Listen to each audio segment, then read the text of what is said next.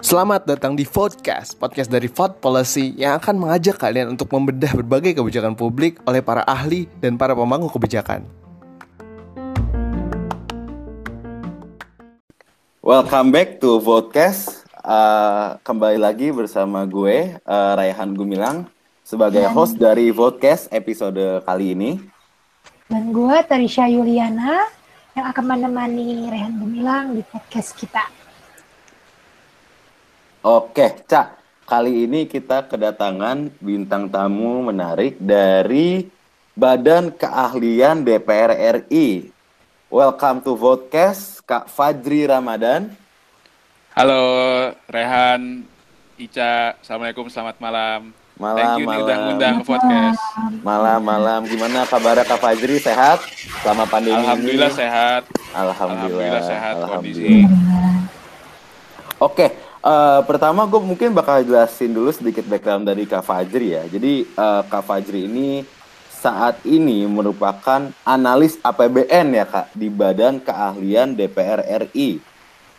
Yes, benar, benar. Jadi eh, Kak Fajri ini berperan dalam mendukung kinerja anggota DPR dalam analisis nota keuangan APBN dan hasil pemeriksaan dari BPK RI. Ya, benar. Ya. Itu benar. Oke, ya d- eh, dan dulunya Kak Fajri sempat melan- eh, menempuh pendidikan S1 di Fakultas Ekonomi dan Bisnis Universitas Indonesia jurusan akuntansi. Ya, benar. Mantap dari. CV-nya udah keren banget nih Cah ya. Pembicara Iya. kita yang satu ini nih. Oke, eh, kita sekarang eh, masuk ke lebih jauh lagi nih Kak pembicaraan kita Kak. Eh, jadi Siap. mungkin voters ini mungkin bertanya-tanya Kak, kira-kira di DPR RI itu oh baru tahu ada badan keahlian. Oh, ternyata gue kirain itu komisi-komisi doang atau gimana gitu. Mm-mm. Nah, kira-kira Kak Faji bisa jelasin sedikit nggak sih Kak mengenai badan keahlian DPR RI ini seperti apa Kak mekanisme pekerjaannya gitu? Oke, siap. Jadi eh kalau misalnya kita yang kita tahu tentang DPR RI itu kan sebenarnya secara garis besarnya dia itu kan memberi eh, sebuah fungsi check and balance. Jadi dia sebagai penyeimbang antara eh, antara pemerintah dengan legislasi. Jadi sebagai penyeimbang pemerintah seperti itu. Nah, posisi DPR ini eh, yang diisi oleh berbagai latar belakang eh, anggota dewan yang berasal dari berbagai daerah, agama, suku, latar belakang pendidikan, itu melaksanakan tiga fungsi, yaitu fungsi legislasi, anggaran, dan pengawasan. Legislasi penyusunan undang-undang, anggaran menyusun anggaran bersama pemerintah, dan eh, pengawasan mengawasi program-program pemerintah, seperti itu. Nah, buat mendukung ketiga fungsi ini, badan keahlian itu la- lahir di tahun 2014. Jadi spiritnya itu sebenarnya mau meniru Congressional Research Service dan Congressional Budget Office di USA. Jadi untuk nge-support eh, anggota dewan dari sisi tiga hal itulah kurang lebihnya seperti itu. Jadi itu yang dilakuin Hmm. yang dilakuin badan keahlian. Nah, badan keahlian ini ada lima pusat. Tadi kan eh, Rehan sempat ngomongin tuh di awal bahwa analis APBN itu ada eh, dua fungsi sebenarnya untuk melihat nota keuangan, menganalisis nota keuangan sama menganalisis hasil pemeriksaan BPK. Nah, di badan keahlian ini ada eh, dua kedua fungsi itu dibagi di dua pusat, dua unit eselon 2, yaitu di pusat kajian anggaran sama pusat kajian akuntabilitas keuangan negara tempat gue. Kayak gitu. Jadi yang pusat kajian anggaran itu lebih kepada menganalisis nota keuangan dan pusat kajian akuntabilitas lebih kepada hasil pemeriksaan BPK dan eh, untungnya gue udah pernah di dua-duanya sih. Jadi eh, waktu itu gue pernah sebagai eh, pegawai kontrak di pu- pusat kajian anggaran, kemudian saat ini gue eh, sebagai PNS di pusat kajian akuntabilitas keuangan negara seperti itu. Hmm. Keren Berarti banget sih ya. keren banget, keren banget. Berarti kalau misalnya dari kayak eh, sering dong kak, maksudnya apa? Tapi dari badan keahlian sendiri itu ikut nggak sih kak dalam ikut kayak merancang APBN bersama Kemenkeu atau cuman kayak evaluasi dan monitoring aja? Nah, jadi memang eh, kalau misalnya pelaksanaan fungsi anggaran itu jelas. Pemain utama dari uh, fungsi legislasi anggaran dan pengawasan di DPR itu jelas anggota DPR-nya. Nah, tapi uh, di sini kan yang kita pahami bahwa setiap anggota DPR itu dia punya latar belakang yang berbeda. Bukan berarti maksudnya uh, ini masalah kecerdasan atau bukan, tapi masalah kan ada yang backgroundnya berasal dari uh, ekonomi, ada yang berasal dari hukum, ada yang seniman juga bahkan kayak gitu kan. Jadi uh, mereka berbagai macam latar belakang uh, warna lah, warna pendidikannya. Nah, tapi mereka harus melaksanakan tuh tiga fungsi itu wajib setiap tahun tiga fungsi itu apalagi anggaran anggaran itu dia uh, berjalan gitu uh, sepanjang tahun dari proses perencanaannya terus kemudian dari perencanaan juga nanti lanjut ke penganggarannya pengalokasian anggarannya. Nah di situlah uh, peran badan keahlian itu untuk membantu anggota-anggota yang dirasa memerlukan bantuan seperti itu. Misalnya dalam proses uh, sebelum penyusunan sebelum presiden pas 16 Agustus itu bicara tentang nota keuangan eh, APBN di tahun depannya seperti itu. Misalnya tahun 2016 uh, eh, presiden akan bicara tentang nota keuangan tahun 2017 nah sebelum itu kan ada pembahasan dulu tuh bagaimana uh, poin-poin di nota keuangan yaitu pembicaraan awal APBN di badan anggaran. Nah di situlah biasanya uh, analis-analis APBN ini itu memberikan dukungan untuk uh, melihat rencana kerja pemerintah tuh gimana sih? Uh, proporsional nggak sih anggaran? Mau ada misalnya anggaran kawasan ekonomi khusus itu tiap tahunnya bagaimana sih terus kemudian gimana sih uh, pajak tuh realistis nggak sih terus kemudian juga uh, belanja yang mandatori, belanja-belanja wajib seperti belanja pendidikan, kesehatan, apakah sudah sesuai, apakah akan berkualitas. Nah, di situ nanti biasanya analis APBN itu bikin uh, semacam analisis atau tulisan singkat, riset singkat lah, riset singkat hmm. untuk anggota DPR buat bahan sebelum uh, bicara tentang anggaran itu dengan kepada pemerintah seperti itu. Jadi anggota akan punya bahan seperti itu. Oke, oke. Jadi kalau misalkan hmm. kita pengen mengulik lagi nih Kak, mengulik bagaimana sih uh, kontribusi atau dukungan dari badan keahlian terhadap perencanaan dalam pembuatan undang-undang gitu Kak. Nah, nah gitu. Uh, pembuatan undang-undang pasti uh, pendengar dan juga mungkin yang menanyakan gue pasti sudah tahu lah ya bahwa sepanjang tahun-tahun kemarin itu kan itu heboh masalah omnibus law terus kemudian juga masalah ya berbagai undang-undang lain lah uh, RUU PKS, kerja, RUU PKS dan lain-lain lah. Ya, ya, nah ya. itu yang perlu dipahami adalah bahwa yang mengajukan eh, undang-undang di Indonesia itu, yang mengajukan rancangan undang-undang tidak hanya anggota DPR, DPR ya DPR benar bisa baik anggota maupun dari komisi terus kemudian juga dari uh, gabungan komisi seperti itu itu bisa mengajukan rancangan undang-undang tapi pemerintah juga bisa mengajukan rancangan undang-undang seperti itu. Jadi di sini sebenarnya apa yang ada di uh, eh, DPR itu itu adalah sebuah produk kerja bersama antara uh, parlemen dengan pemerintah seperti itu itu seperti itu seperti itu. Nah, itu dari segi uh, siapa yang mengusulkan. Nah, kemudian dari segi uh, bagaimana uh, pembentukan undang-undangnya itu juga melalui proses yang panjang. Jadi sebenarnya uh, itu ketika akan disusun sebuah naskah akademik atau sebuah uh, rancangan undang-undang itu ada uji dengan pakar, terus kemudian juga ada uji dengan uh, kelompok masyarakat juga, kalau misalnya kita bi bikin undang-undang tentang uh, perlindungan konsumen misalnya, itu juga akan mengundang pasti yayasan lembaga konsumen itu pasti akan diundang, per hmm. perlindungan lembaga perlindungan konsumen akan diundang. Jadi pokoknya semua stakeholder itu pasti akan diundang. Cuman memang kan uh, di situ pasti asymmetric information itu udah pasti ada dong yeah, di yeah, Fakultas yeah. Ekonomi pasti dengan pasti memang ada hal-hal seperti itu dan memang uh, untuk memuaskan banyak pihak itu memang uh, sangat susah gitu ya untuk mengakomodir semua pihak dan itulah memang proses politik seperti itu jadi uh, kurang lebihnya seperti itu. Nah, kalau misalnya peran badan keahliannya, jadi ketika proses penyusunan berupa diskusi dengan pakar, terus kemudian juga uh, mengambil data. Di situlah peran badan keahlian ada.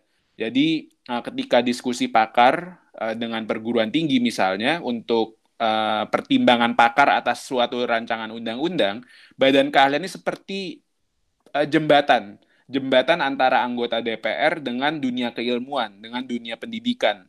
Jadi uh, ini tema besar yang sebenarnya lagi dibawa oleh Badan Keahlian, yaitu untuk menjembatani uh, dunia uh, keilmuan. Jadi Badan Keahlian juga bekerja sama dengan berbagai universitas untuk menjembatani dengan kebutuhan anggota dewan seperti itu. Oh, oke oke oke.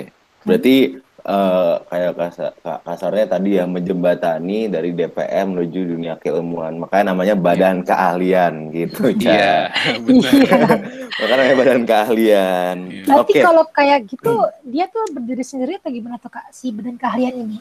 Nah, jadi selalu tiap orang yang uh, ketemu sama gua gitu ya, misalnya udah lama ketemu teman-teman lama gitu loh. Jadi lu kerja di Majri, di badan keahlian. Oh tenaga ahli ya? Oh bukan, bukan tenaga oh, ahli. Iya, iya. Jadi gue tuh bukan tenaga ahli, tapi tenaga ahli tetap ada. Tenaga ahli itu memang dia ada sebagai uh, supporting system untuk anggota itu sendiri gitu ya, untuk membantu tugas-tugas anggota secara harian Nah, ada juga tenaga ahli yang ada di komisi, di alat kelengkapan dewan, baik itu di komisi, di badan-badan, badan anggaran, terus kemudian badan legislasi, itu ada tenaga ahlinya juga. Nah, itu uh, berbeda dengan badan keahlian. Kalau badan keahlian ini sebuah lembaga yang tadi kalau Ica nanya itu dia berdiri sendiri ya. Iya, benar. Ini kita independen. Kita independen yang memang benar-benar tidak ada uh, sangkut paut, tidak diangkat oleh anggota DPR. Kita nggak diangkat oleh anggota DPR kita rekrutmennya itu sendiri karena jalurnya itu PNS seperti itu. Jadi uh, diharapkan memang independensi ini bisa uh, membuat suatu output, suatu produk undang-undang maupun kebijakan itu yang benar-benar objektif untuk hmm. kesejahteraan masyarakat. Itu yang diharapin seperti itu. Gitu. Oke oke. Jadi oke. memang kita independensi, bener nggak ada pengaruh dari partai atau apa pengaruh politik nggak. Kita cuman ibaratnya kita menyajikan aja Bapak mau opsi A konsekuensinya begini, B seperti ini, C seperti ini ya. Untuk memilih A atau B, A, B atau C-nya itu anggota DPR. Kita hanya uh, menyediakan aja opsi itu okay. seperti itu. Oke, oke, hmm. oke. Berarti memang dari BK sendiri berarti kalau gitu dari BK itu tidak ada itu ya. Maksudnya seleksinya memang benar-benar seleksi untuk uh, tidak ada uh, pa apa partai politik gitu. Tidak ada ya di dalam BK gitu. Nggak ada nggak ada. Oh, nggak jadi ada, kalau mis biasanya kan kalau misalnya tenaga ahli itu itu bisa uh, dia diposisikan sebagai uh, anggota partai politik juga. Seperti itu. Tenaga ahli terutama anggota ya tenaga ahli anggota itu bisa banget. Dia sebagai uh, anggota parpol juga. Nah kalau kita nggak boleh kita karena kita PNS kita harus independen. Kita harus bebas dari uh, partai keanggotaan partai itu nggak boleh seperti itu. Oke oke oke oke oke. Eh, lalu bagaimana kak kira-kira kayak dukungan nih dari BK Badan Keahlian dalam pelaksanaan fungsi anggaran DPR RI kak? Nah, jadi uh, kita mungkin karena waktunya juga singkat, kita nggak nggak ngebahas uh, panjangnya siklus APBN, tapi pada intinya begini. Uh, tadi sudah uh, sempat gue singgung uh, sebelum presiden bicara tentang nota keuangan tanggal 16 Agustus, nota keuangan itu kan kurang lebihnya sebenarnya adalah uh, ekspos dari kebijakan dari uh, kebijakan-kebijakan yang akan ditempuh oleh pemerintah pada tahun yang akan datang seperti itu. Nah, kalau uh, supporting sebelum itu jelas tadi uh, membantu uh, memberikan analisis untuk uh, pembahasan di badan anggaran. Nah, tapi yang menarik sebenarnya adalah setelah uh, ekspos dari presiden pembacaan nota keuangan tersebut yaitu anggaran itu yang sudah dipaparkan oleh presiden itu dikembalikan untuk dibahas di tiap komisi. Nah, kita ini kan di DPR punya komisi 1 sampai komisi 11 yang membidangi berbagai macam bidang dari bidang pertahanan hingga keuangan seperti itu. Nah, di situ eh, anggota DPR dengan pemerintah akan membahas anggaran eh, tiap kementerian lembaga. Misalnya, uh, Kementerian Kesehatan misalnya. yang pernah gue alamin sendiri gitu ya. Kementerian Kesehatan dibahas di Komisi 9 karena Komisi 9 itu membahas tenaga kerja dan kesehatan. Nah, anggaran itu nanti akan dibahas uh, per komponen anggarannya itu antara pemerintah dengan DPR seperti itu. Nah, ketika pembahasan itu waktu itu sangat cepat gitu. Jadi uh, karena ini kan bayangin aja untuk anggaran sekian triliun itu harus dibahas dalam waktu sekitar dua pekan kayak gitu. Karena kenapa dua pekan di komisi? Karena nanti harus dikompil lagi, harus harus dikonsolidasikan lagi, konsolidasi lah bahasa iya, iya. akuntansinya, yeah, yeah. dikonsolidasi uh, antara kementerian lembaga, tiap kementerian lembaga nanti dikonsolidasi jadi sebuah uh, anggaran pemerintah pusat seperti itu kan. Nah balik lagi ke kementerian lembaga itu karena itu pembahasan cepat, jadi nggak ada orang yang bisa uh, melakukan nelaah ngelihat satu-satu itu angka gitu ya. Tiap-tiap komponen kegiatan programnya itu itu nggak ada anggota pasti nggak sempat karena mereka waktu mereka itu adalah fokus untuk bicara. Nah di situlah uh, peran dari analis APBN itu untuk melihat itu angka-angkanya gitu akan dilihat angka-angkanya dilihat apakah ada yang ganjil apa enggak ya mirip inilah mirip audit lah sebenarnya hmm auditor nah, dia ya, ya ya mirip audit cuman kalau audit kan jelas uh, dia uh, proses yang sudah berjalan, proses keuangan yang uh, dari suatu tahun berjalan yang sudah selesai, itu diperiksa apakah wajar apa enggak sesuai dengan PSAK, apa enggak sesuai dengan standar akuntansi apa enggak. Cuman kalau kita enggak, kita ngelihat dari angkanya aja. Ada yang wajar apa enggak? Sebagai contoh gini. Pertama itu uh, suatu kementerian dia harusnya misalnya tugasnya itu uh, ngasih uh, vaksin misalnya kayak gitu ngasih vaksin Nah, tapi uh, vaksinnya ini vaksin ini vaksin yang sudah rutin lah, jangan COVID lah. Vaksin polio misalnya itu kan sudah rutin Influenza juga bisa. Iya, ya. yang memang sudah rutin lah ya, penyakit yang memang udah uh, sebelum COVID ini sudah ada. Tapi komponen anggaran dia yang terbesar itu bukan di uh, pembelian vaksinnya, misalnya seperti itu. Tapi dia lebih besar komponennya itu di dukungan manajemen, dukungan manajemen atau di uh, publikasi sosialisasi. Nah, di situ jadi pertanyaan, kok kegiatan yang substantifnya itu tidak uh, besar anggarannya, tapi kok kegiatan yang dukungan manajemen, dukungan manajemen itu kurang lebih itu apa sih rapat, terus oh, kemudian iya. Uh, konsinyering konsinyering apa uh, dialog-dialog seperti itu nginep di hotel dan sebagainya gitu. Nah itu kan sebenarnya lebih kepada pemborosan seperti itu. Atau dilihat juga tadi uh, yang sifatnya publikasi dan sebagainya itu kok banyak dipublikasi sih? Ini kan udah jelas uh, vaksin ini tiap tahun gitu, vaksin polio itu udah, sudah tiap tahun. Tapi kok masih perlu publikasi-publikasi lagi? Kenapa sih kok besar banget nih proporsi dibanding ininya? Kok kamu belinya cuma sedikit sih vaksinnya? Nah, di situ nanti uh, dari uh, proporsionalitas angka itulah anggota DPR pasti bakal uh, mempertanyakan gitu. Nah, untuk melihat proporsionalitas itu yang menghitung itu di Excel di uh, sebelum rapat. Nah, itu itu adalah analis APBN kurang lebihnya. Sebenarnya ya tenaga ahli mereka juga bisa, tapi sebenarnya sih dalam perjalanannya uh, badan keahlian itu banyak di, banyak turun langsung untuk mengerjakan hal-hal seperti itu untuk membantu anggota DPR kayak gitu. Gitu sih. Nah, itu kan kayak gitu sebenarnya uh, sebagai bentuk kalau misalnya teman-teman pernah ngelihat Ahok ya waktu itu, ibaratnya dia kan punya wewenang untuk sebagai eksekutif itu melihat lebih rinci gitu loh anggaran. Kok 100 juta per RT nih apa-apa nih gitu. nah, yeah, itu iya. kurang lebih kurang lebihnya sebenarnya sama kayak gitu. Kita mau mencari hal-hal yang sifatnya irregular lah, kurang lebih kayak gitu. Ada sifatnya yang aneh-aneh. Nah, di situ kita kasih ke anggota pasti gitu untuk disuarakan gitu deh kurang lebihnya. Uh, Kak, tapi uh, kalau misalnya nih kayak tadi kayak uh, dari BK sendiri itu melihat satu anggaran yang memang nggak realistis gitu Kak. Nah hmm. itu kira-kira prosesnya gitu seperti apa tuh Kak? Kayak apa ya? Kayak pengujiannya deh. Kenapa ini begini? Kenapa ini begini tuh seperti apa sih Kak mekanismenya Kak? Ya, ini uh, kurang lebihnya ya yang pernah gue alamin itu adalah ketika memang menemukan hal seperti itu itu pasti uh, eh, gue sampaikan langsung ke anggota yang bersangkutan biasanya. Karena emang ada anggota yang memang tugasnya itu uh, ibaratnya itu ngasih pressure lah ke kementerian lembaga untuk mempertanyakan hal-hal yang memang sifatnya itu kurang jelas seperti itu. Nah, itu biasanya uh, nanti akan langsung dikasih, akan langsung gue serahkan. Biasanya uh, sebelum mulai rapat, kita ada briefing dulu. Ada briefing dulu dengan anggota tersebut, Pak, ini kurang lebih seperti ini nih temuannya gitu. Temuan dari bahan yang dikasih oleh kementerian, dari bahan presentasi PPT kementerian tuh ini loh yang bisa Bapak tanyain gitu. Nah, di situ biasanya ketemu tuh antara pengalaman dengan teknis. Anggota pasti punya pengalaman. Oh iya dari ini kan ini kan sifatnya reguler sebenarnya iya, anggaran yeah, yeah. Oh iya dari tahun ke tahun nih emang kayak gini-gini nih. Saya pernah lo lihat di tahun-tahun sebelumnya tuh kayak gini.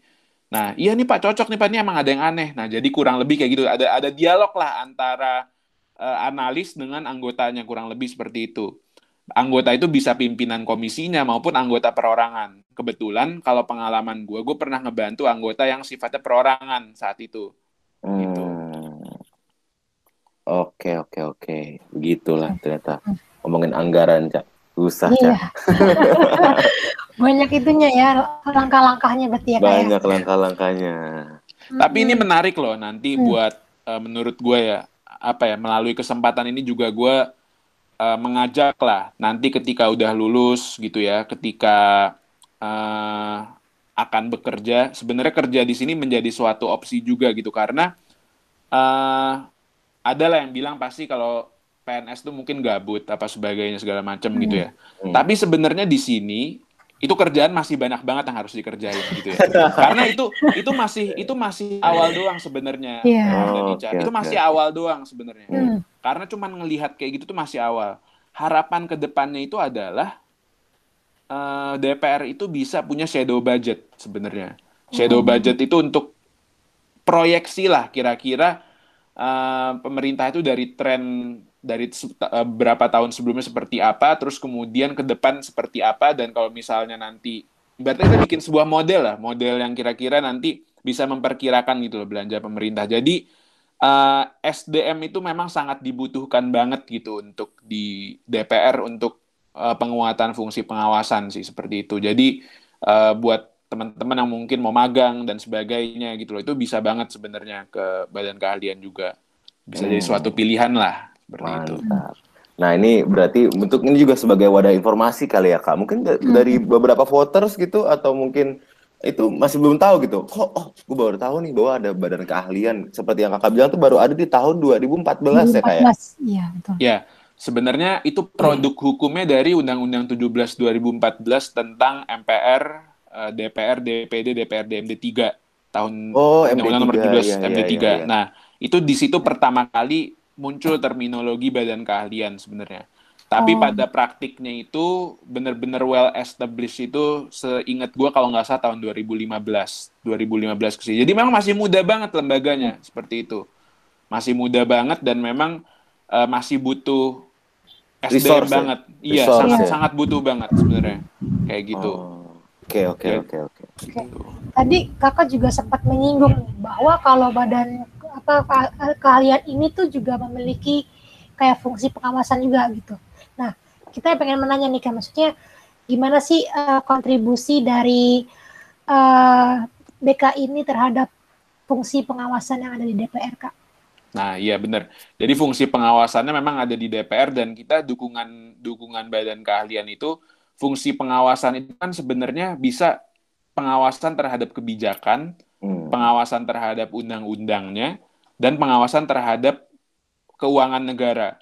Nah, uh, tadi kalau balik lagi fungsi anggaran tadi analis APBN itu dibagi di dua pusat itu tadi. Nah, kalau di pusat yang tempat gua di pusat kajian akuntabilitas keuangan negara karena melihat hasil pemeriksaan BPK eh, kecenderungan dari uh, pekerjaan analis APBN di pusat gua itu adalah lebih kepada pengawasan keuangan negara seperti itu yang berdasarkan hasil pemeriksaan BPK.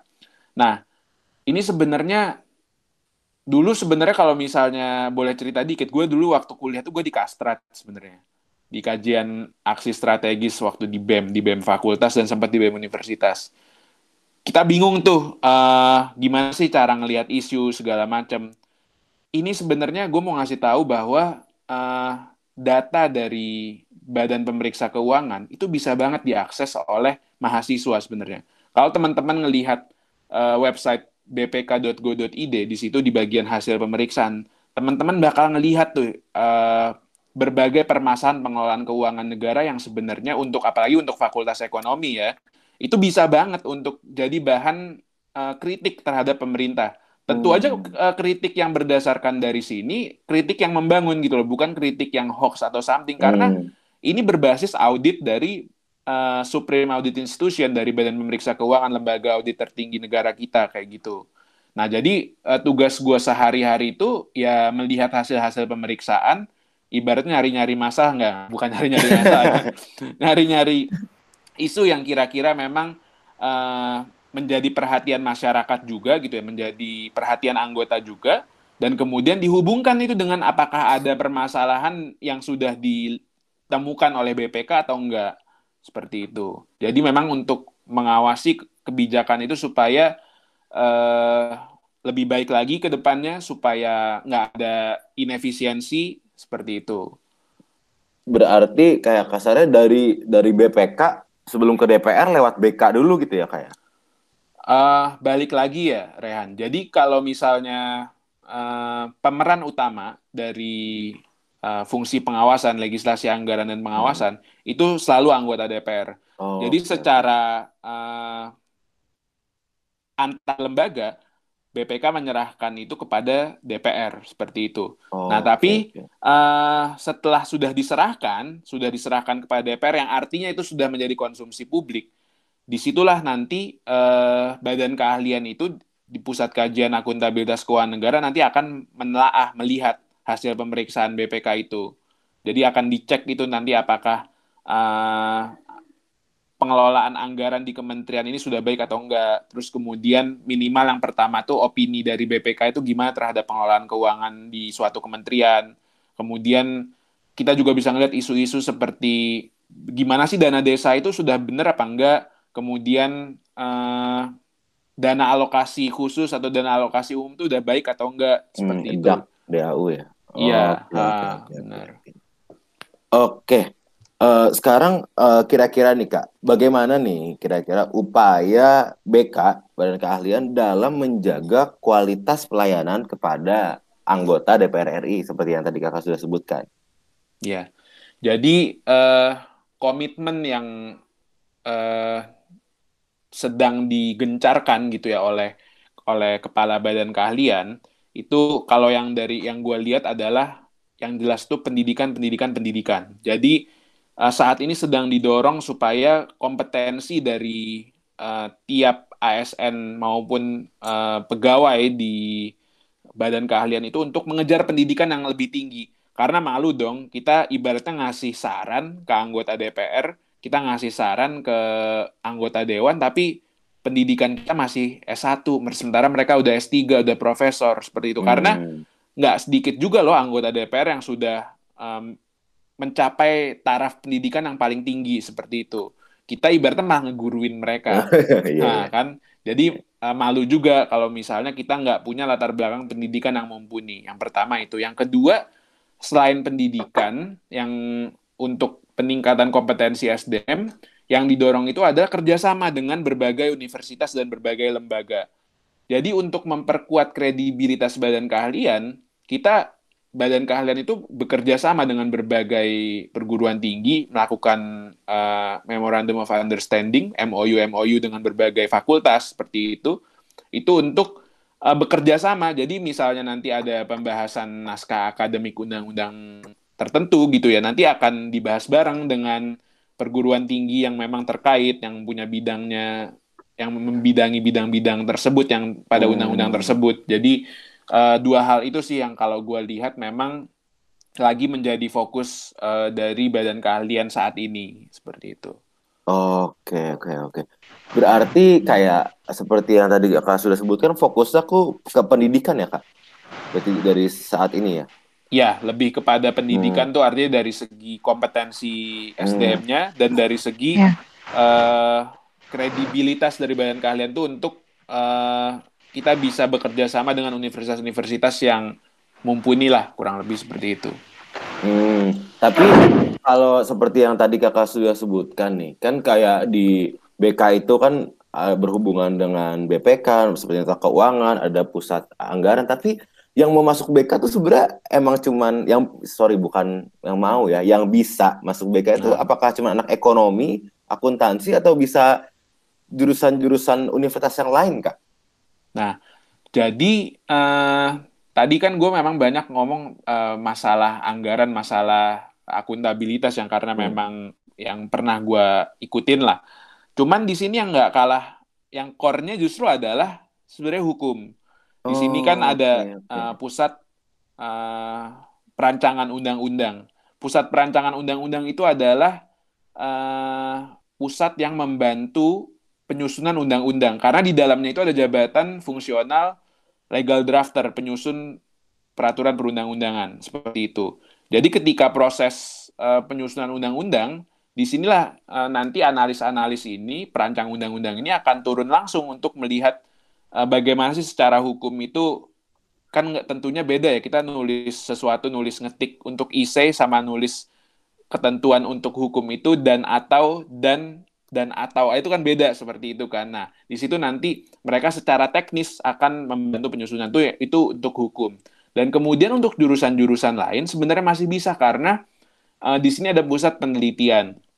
Pusat penelitian ini ibaratnya eh, kalau bisa gue bilang itu adalah mbahnya dari Mbah. pusat-pusat oke. lain dari jadi ibaratnya ini salah satu cikal bakal dari badan keahlian. Karena di, di pusat inilah yang memang memberikan dukungan keahlian dari zaman dari zaman dulu gitu. Dari dia udah lebih lama dibanding badan keahlian itu sendiri seperti itu. Jadi belum ada pusat kajian anggaran belum ada pusat kajian akuntabilitas belum ada cuman pusat penelitian ini sudah ada. Nah di sini bisa mengakomodir berbagai bidang karena penelitian yang dilakukan itu memang dilakukan oleh berbagai bidang gitu loh karena undang-undang kita kan nggak cuma tentang ekonomi dan hukum aja Hmm. undang-undang kita itu tentang berbagai hal seperti itu berbagai hal eh, seperti kebudayaan juga terus kemudian eh, pertahanan gitu kan jadi eh, banyak hal sih yang bi- banyak banyak jurusan yang bisa mengcover berbagai hal di eh, DPR ini untuk di untuk kerja di badan keahlian seperti itu Oke, oke. Mm. Sangat menarik sekali ya Gul ya, badan keahlian nih ternyata. Iya, jelas. Oke deh, Hmm. kayaknya kita udah masuk ke sesi akhir nih. Ini langsung aja mungkin ya gua kasih kesimpulan dari podcast kita di episode kali ini. Jadi kita tuh udah ngebahas mengenai penjelasan dari badan keahlian itu apa aja gitu kan. Kayak ternyata badan keahlian tuh secara umum tuh ada menja- menjalankan tiga fungsi yang ada di DPR gitu kan. Kemudian juga badan keahlian ini bersinergi bersama dengan pemerintah dalam pembuatan undang-undang, kemudian kemudian juga bekerja sama juga dengan stakeholder terkait gitu kan. Terus juga badan keahlian untuk dia juga menjalankan uh, fungsi untuk menjembatani antara DPR dengan institusi pendidikan. Oleh sebab itu harus independen gitu. Terus dia juga BK ini menjadi auditor dalam anggaran yang disusun oleh pemerintah dan sampai kita juga tadi udah ngebahas ya menge- mengenai mekanisme pemeriksaan anggaran yang dijalankan oleh BK kayak gitu. Terus ternyata juga BK ini eh, menjalankan fungsi pengawasan kebijakan ya pengawasan kebijakan terus kemudian undang-undang dan keuangan negara. Terus karena BK ini juga tergolong baru ya, jadi makanya BK ini harus terus meningkatkan kualitasnya, terutama di masalah pendidikannya gitu kan. Kayak gitu. Terima kasih. Terima kasih Kak Fajri atas Oke. kesediaan waktunya sudah siap menjadi sama-sama sudah menjadi pembicara di podcast kali ini. Ya, ditunggu nih buat eh, teman-teman kalau misalnya mau magang atau pengen tahu tentang DPR dan badan keahlian untuk main-main ke kantor juga. Boleh banget, boleh banget itu Ya. teman-teman. Eh, semoga dari podcast ini badan keahlian mungkin semakin dikenal oleh masyarakat mungkin kayak dari Iya. dan, dan ditambah Ya, kayak tadi bisa dijadikan eh, tempat mungkin eh, lapangan pekerjaan atau magang bagi mahasiswa-mahasiswa. ya, ya. Ditunggu Oke, terima banget ya kasih. pokoknya. Ya. Sip. Terima kasih banyak Kak Fajri atas kesediaan waktunya. Buat Ya, teman-teman voters, eh, stay tune untuk mendengarkan podcast-podcast selanjutnya mendatangkan bintang tamu yang menarik dan jangan lupa untuk follow Instagram kita @vote.policy untuk mendapatkan policy update dari kebijakan ke, ataupun informasi mengenai kebijakan-kebijakan publik karena semua berhak setuju atau tidak setuju.